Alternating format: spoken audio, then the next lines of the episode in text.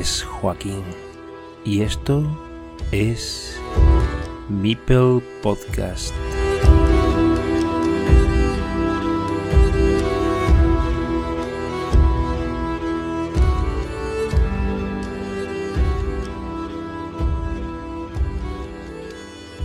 Bienvenidos a este espacio que está dedicado a Carcassonne. Carcassonne es una ciudad del sur de Francia de unos 50.000 habitantes y que se encuentra cercana a la costa del Mediterráneo, entre Toulouse y Montpellier.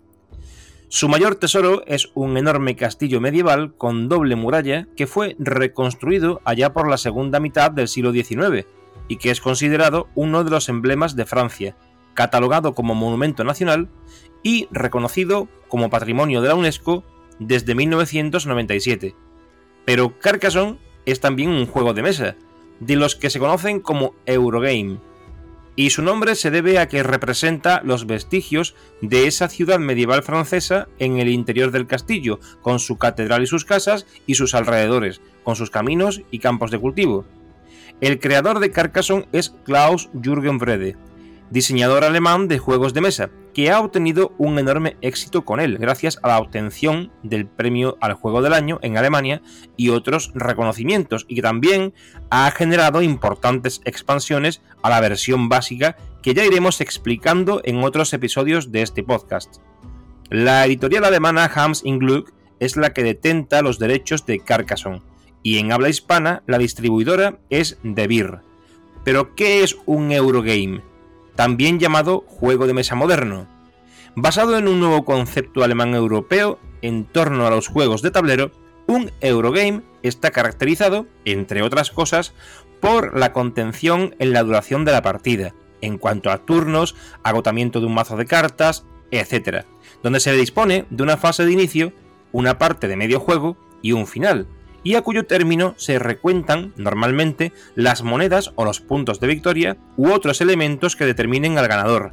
En este sentido, hablamos de un final de partida y de dilucidar al ganador porque durante el juego no se producen eliminaciones, es decir, que un Eurogame contempla siempre la participación activa de todos los jugadores hasta el final, no así como un Ameritrash, que es precisamente lo opuesto, el concepto de los juegos de origen americano donde la victoria es sobrevenida por la eliminación de tus adversarios. La temática del juego subyacente en un Eurogame siempre existe a modo de introducción, pero es secundaria, puesto que lo que prima es la mecánica de su ejecución, su dinamismo y la existencia de mecanismos de compensación para que los jugadores puedan revertir una mala situación durante la partida. El factor suerte también es algo que queda minimizado, puesto que en un juego de mesa moderno se compite por hacer mejor partida que tu adversario, en lugar de obtener resultados porcentualmente vinculados a la presencia del azar. En estos términos, el conocimiento de la estrategia, la habilidad en la gestión de los recursos disponibles y la experiencia atesorada después de muchas partidas, todo en su conjunto reduce el efecto de encomendarse a la estadística, léase varianza, fortuna, probabilidad, etc. Por otro lado, los Eurogames quedan al margen del idioma. Me explico, en los componentes y tableros de un Eurogame, por norma, no suelen aparecer palabras en ningún idioma, por lo que son universales. Incluso puedes comprar una edición alemana, italiana, francesa o española, que donde solo lo vas a notar es en el documento de las instrucciones, pero dado que la relevancia de los Eurogames estriba en constituirse en universal, las normas de juego pueden encontrarse online con mucha facilidad y en cualquier idioma, como dato menor, en muchas ocasiones, aunque no siempre, también tenemos que muchos de los componentes de un Eurogame son fabricados en madera, en lugar de plástico, sobre todo en aquellos donde están presentes los famosos meeples, que son unas figuritas a modo de lo que se conoce como trabajadores y que constituyen, entre otros, los recursos que proporcionan los puntos de victoria para alzarse con el triunfo final de la partida, y que fueron puestos de moda por el juego cuya temática tratamos en este espacio. Los Meeples, por tanto, fueron una incursión del juego Carcassonne, aunque luego haya sido investido como componente oficial de muchos otros Eurogames. De inicio, el Meeple fue denominado Seguidor, Follower en inglés, pero luego adquirió el nombre actual procedente de la contracción de las palabras My People, gente, mi gente, y que derivó posteriormente en lo que hoy llamamos Meeple. Esto viene explicado en los foros y en el propio libro de Steve D. y Dan Chart, The Book of Carcassonne. Y centrándonos en Carcassonne, en concreto, solo tenemos dos componentes materiales, el tablero y los meeples. En el caso de Carcassonne se juega con 7 meeples por cada uno de los participantes, y estos pueden ser utilizados de uno en uno en cada turno de juego en base a unas reglas básicas. Pero antes de hablar del reglamento hay que hablar del tablero, para el cual ya introduciremos algún elemento normativo básico. El tapiz donde se desarrolla una partida es un board de paisaje, donde confluyen caminos, ciudades medievales con un contorno amurallado, campos de cultivo y pequeños monasterios en medio de algunos de estos campos. Las expansiones introducen otros elementos, que no veremos aquí en este episodio. Pero a diferencia de otros juegos donde el tablero es fijo, en Carcassonne este es un elemento en constante construcción. Y es constante hasta el punto de que la partida se desarrolla mientras se edifican las ciudades, caminos y campos de cultivo, también llamados granjas, y cuando no es posible continuar, finaliza la partida.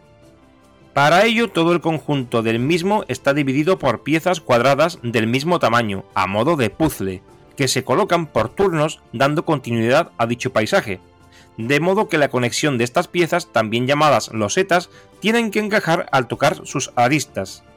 ¿Y por qué digo que tienen que encajar o dar continuidad al paisaje? Las losetas, al ser cuadradas, y con sus lados rectos generan un mosaico evidentemente cuadriculado, que no requiere de una técnica especial de montaje. Pero cada loseta tiene un dibujo en su cara vista que puede estar formado por diferentes fragmentos de terreno, que como hemos mencionado antes pueden ser campo, ciudad o camino. Por tanto, cada lado de la loseta adquiere la propiedad de aquel elemento diferenciador presente en esa arista, como la loseta tiene cuatro lados, al tratarse de un cuadrado, tiene cuatro segmentos de los anteriores terrenos. Repetimos, campo, ciudad o camino. Vámonos a un ejemplo concreto. Cuando hablamos de un lado con fragmento de ciudad, el dibujo de esta, de la ciudad, abarca toda la línea longitudinal de la arista a la que nos referimos. Y cuando se trata de un lado con campo de cultivo o granja, sucede exactamente lo mismo. En cambio, cuando se especifica que el lado de la loseta es de camino, queremos significar que la parte media de la loseta está cruzada en perpendicular por un camino inacabado que debe tener continuidad en la siguiente loseta con otro camino inacabado, para crear un camino más largo que cruza ambas piezas. Por cierto, es inacabado por el tramo que toca la arista. A ambos lados del eje longitudinal que cruza el dibujo del camino, en la arista de cada loseta, solo hay campo, pero la nomenclatura que recibe este lado es de camino, en referencia a la presencia del mismo y la obligatoriedad de conectar esa arista con la arista de otra loseta de las mismas características. En definitiva, un lado de camino no puede ser conectado con otro lado de ciudad, ni otro de ciudad con uno de campo, ni uno de granja con uno de camino. ¿Y dónde quedan los monasterios comentados antes? Pues las losetas conocidas como losetas de monasterio tienen dos posibles disposiciones. Una de ellas consiste en un monasterio en el centro de la loseta rodeado de campo, aristas de campo, y otro tipo es igual, solo que partiendo del monasterio fluye un camino hacia la parte media de una de sus aristas. Esto viene a significar que, aunque se habla de una loseta de monasterio, no existen aristas de monasterio, puesto que este elemento del paisaje no es en sí mismo un tipo de terreno, lo que a modo de resumen podemos simplificar afirmando que un monasterio, a efectos de sus lados o aristas, puede tener cuatro lados de campo o tres lados de campo y uno de camino, en función del tipo de loseta comentada previamente. Por lo que las losetas de monasterio, a efectos de colocación en el mapa de Carcassonne, solo tienen que ver con ser conectadas con otras losetas con aristas de campo o de camino, según su fisionomía. En cualquier caso, esto se ve mejor si ponemos en el buscador del navegador Carcassonne o losetas de Carcassonne, o si tenemos un juego delante. Para hacernos una idea general de todas las losetas de Carcassonne, tenemos losetas de 4 lados de camino, 4 lados de ciudad, 3 lados de camino y 1 de ciudad, o viceversa, y otros tipos de combinaciones.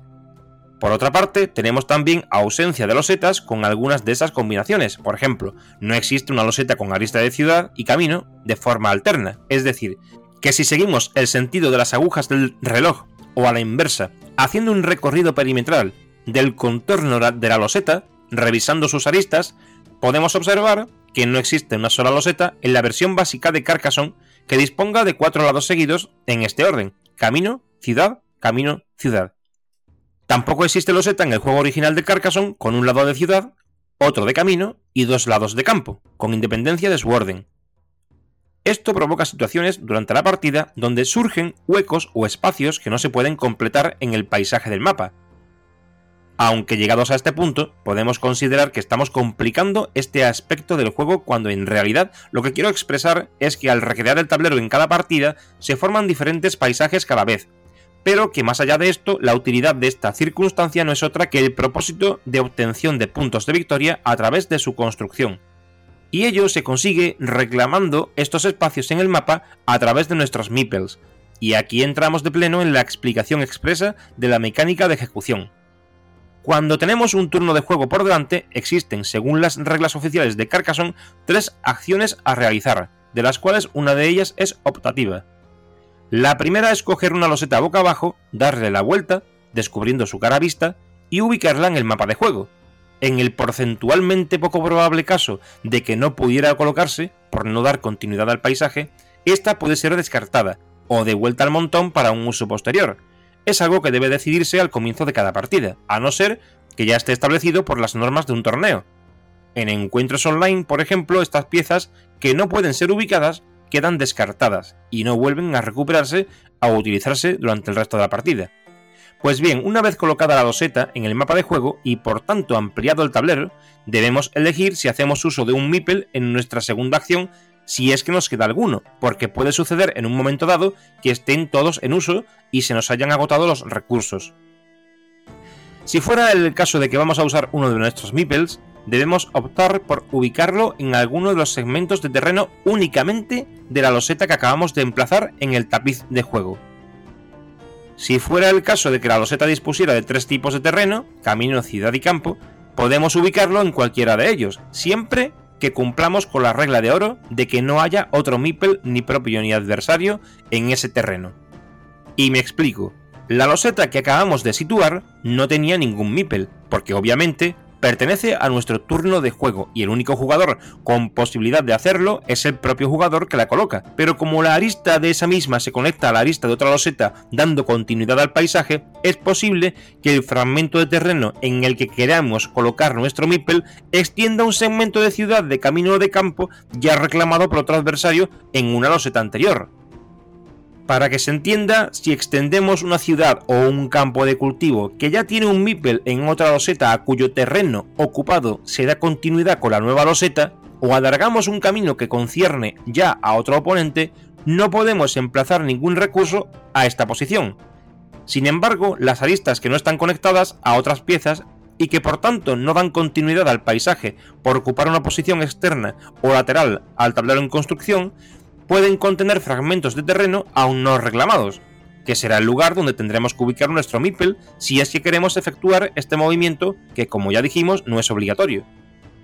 Finalmente, la tercera acción consiste en hacer subir al marcador aquellos puntos que vienen provocados al producirse, en su caso, el cierre de un camino o de una ciudad tras la colocación de nuestra loseta, por lo que el jugador cuyo MIPEL ostenta la propiedad del terreno completado sube esos puntos al marcador y recupera el MIPEL para su reserva y reutilización posterior en otro turno y en otra loseta. ¿Que cómo se completan las ciudades o caminos? Pues como ya avanzamos, las ciudades contemplan un dibujo o contorno amurallado a su alrededor que forma sus límites. Si este contorno se cierra formando una línea perimetral acabada, entendemos que se ha completado la ciudad. Y en cuanto a los caminos, existen losetas con intersecciones donde estos confluyen entre sí, como si de un cruce se tratara, o que acaban en un poblado o ciudad dibujados en el mapa, y todas ellas tienen la consideración de finalización de camino. Por lo que si en ambos extremos de la línea longitudinal de un camino, formado por varias losetas, o al menos por un par de ellas, nos encontramos con estos puntos de finalización, entendemos que el camino se ha completado y por ende se provocará una puntuación de forma inmediata. Cuando esto sucede, un camino otorga al jugador cuyo MIPEL sostiene la propiedad de ese terreno un punto por cada loseta que interviene en la formación o construcción del camino, y son dos puntos en el caso de las ciudades.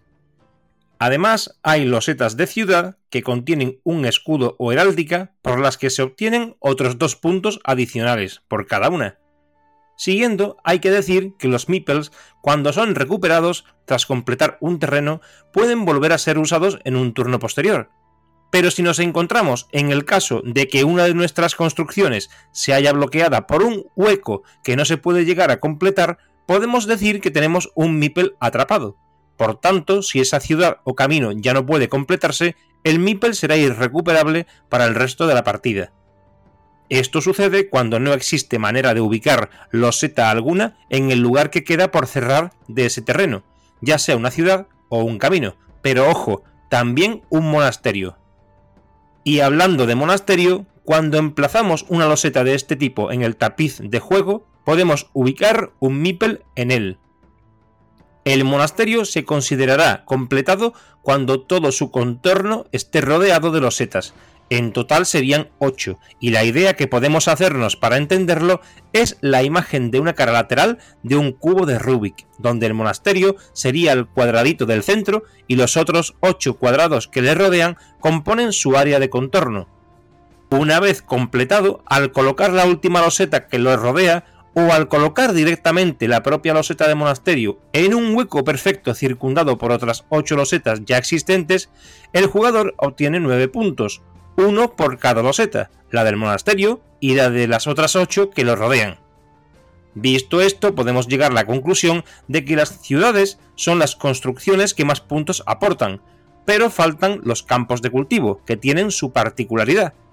En ellos emplazamos los meeples acostados, a diferencia de los que colocamos en una ciudad, un monasterio o un camino, que son puestos en pie.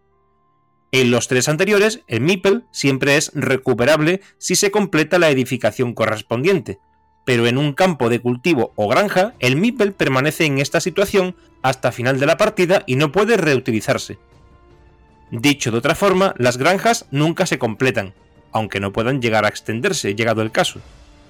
Al concluir el juego, tras la colocación de la última loseta, o existiendo la imposibilidad de colocar la que falta, el propietario de un meeple recibe 3 puntos por cada ciudad completa que se halle en los límites de su granja. Estos límites están formados por el perímetro entrelazado de las líneas de caminos, murallas de ciudades y huecos vacíos del propio tablero por ausencia de losetas en sus alrededores. Una vez finalizada la partida y completadas las tres acciones de ese último turno de juego, se puntúan primero los caminos y los monasterios incompletos, al igual que si se hubiera completado, un punto por cada loseta que componga el camino y un punto por el monasterio y por cada loseta contigua en su contorno. Recordad el cubo de Rubik. También puntúan las ciudades, pero solo un punto por cada loseta y por cada heráldica, que formen la ciudad donde permanezca el Mipel, a diferencia de cuando esta es completada, que eran dos puntos por cada elemento. Y las granjas, tres puntos, como hemos comentado, por cada ciudad completa con la que limite. Pero al margen de estas reglas iniciales, sucede que puede darse el caso de que existan más meeples en un mismo camino, una misma ciudad o una misma granja. No así en un monasterio, pues se trata de una edificación no extensible, por ser propia de una única loseta. ¿Y cómo es esto? Si se supone que hemos comentado con anterioridad que no se puede usurpar la propiedad ajena colocando un meeple en terreno enemigo.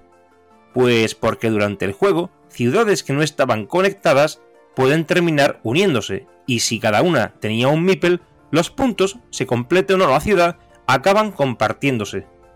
Sucede también con los caminos y con las granjas.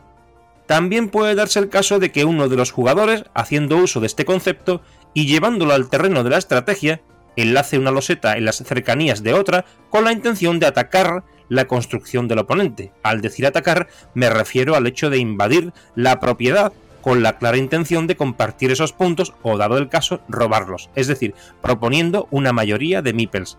En un uno contra uno, en una ciudad, camino o granja, significa puntos para el que tenga más meeples en ese terreno.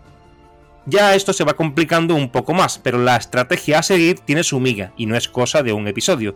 Comentar que tal como expreso en mi libro, que está aún en fase de maquetación, distingo entre aquellos jugadores que dominan las reglas, esto es, conocen la mecánica de ejecución, los que dominan el juego, lo que significa que conocen las limitaciones y posibilidades que brinda esa mecánica y son conocedores de la táctica y estrategia básicas, los que controlan la táctica y la estrategia de manera más general y disponen de una experiencia más dilatada, que vienen a ser los jugadores sólidos, y luego pasamos a aquellos que consolidan a un nivel experto, cuando realmente dominan la táctica y la estrategia completamente. En cambio, para jugar con maestría a Carcassonne se necesitan no solo de los requisitos anteriores, sino también aunar algunas aptitudes, habilidad para el juego, alta capacidad de concentración y creatividad a discreción, para inventar situaciones o revertir dificultades que igualmente no son fáciles de visibilizar para la mayoría. Espero que este episodio introductorio haya servido como base para que muchos jugadores iniciados, sobre todo, perciban o dispongan de una mejor comprensión del desarrollo de una partida o aclaren algunos conceptos que no les hayan quedado claros tras leer las reglas básicas o jugar su primera partida. Sobre el juego de Carcassonne existen varios blogs españoles que podéis consultar. Carcassonne Pieza de Inicio, La Plaza de Carcassonne y Carcassonne Connection. También existe una gran comunidad, originalmente en un idioma anglosajón, aunque se puede traducir en línea con las facilidades del navegador y que ha sido el origen de muchas otras comunidades o blogs posteriores. Hablamos de Carcassonne Central. Y a raíz de ello surgió la iniciativa de la Wikipedia, que no es otra cosa que una Wikipedia de Carcassonne, donde se explican en una gran variedad de idiomas tanto las versiones básicas, sus diferentes ediciones y reediciones, las expansiones y las mini expansiones, además de generar aclaraciones muy interesantes en la interacción que se produce al incluir un conjunto de ellas donde se entrelazan reglas de cada elemento nuevo de cada expansión, que deben ser consecuentemente ordenadas dentro de las tres diferentes acciones de las reglas básicas del juego original.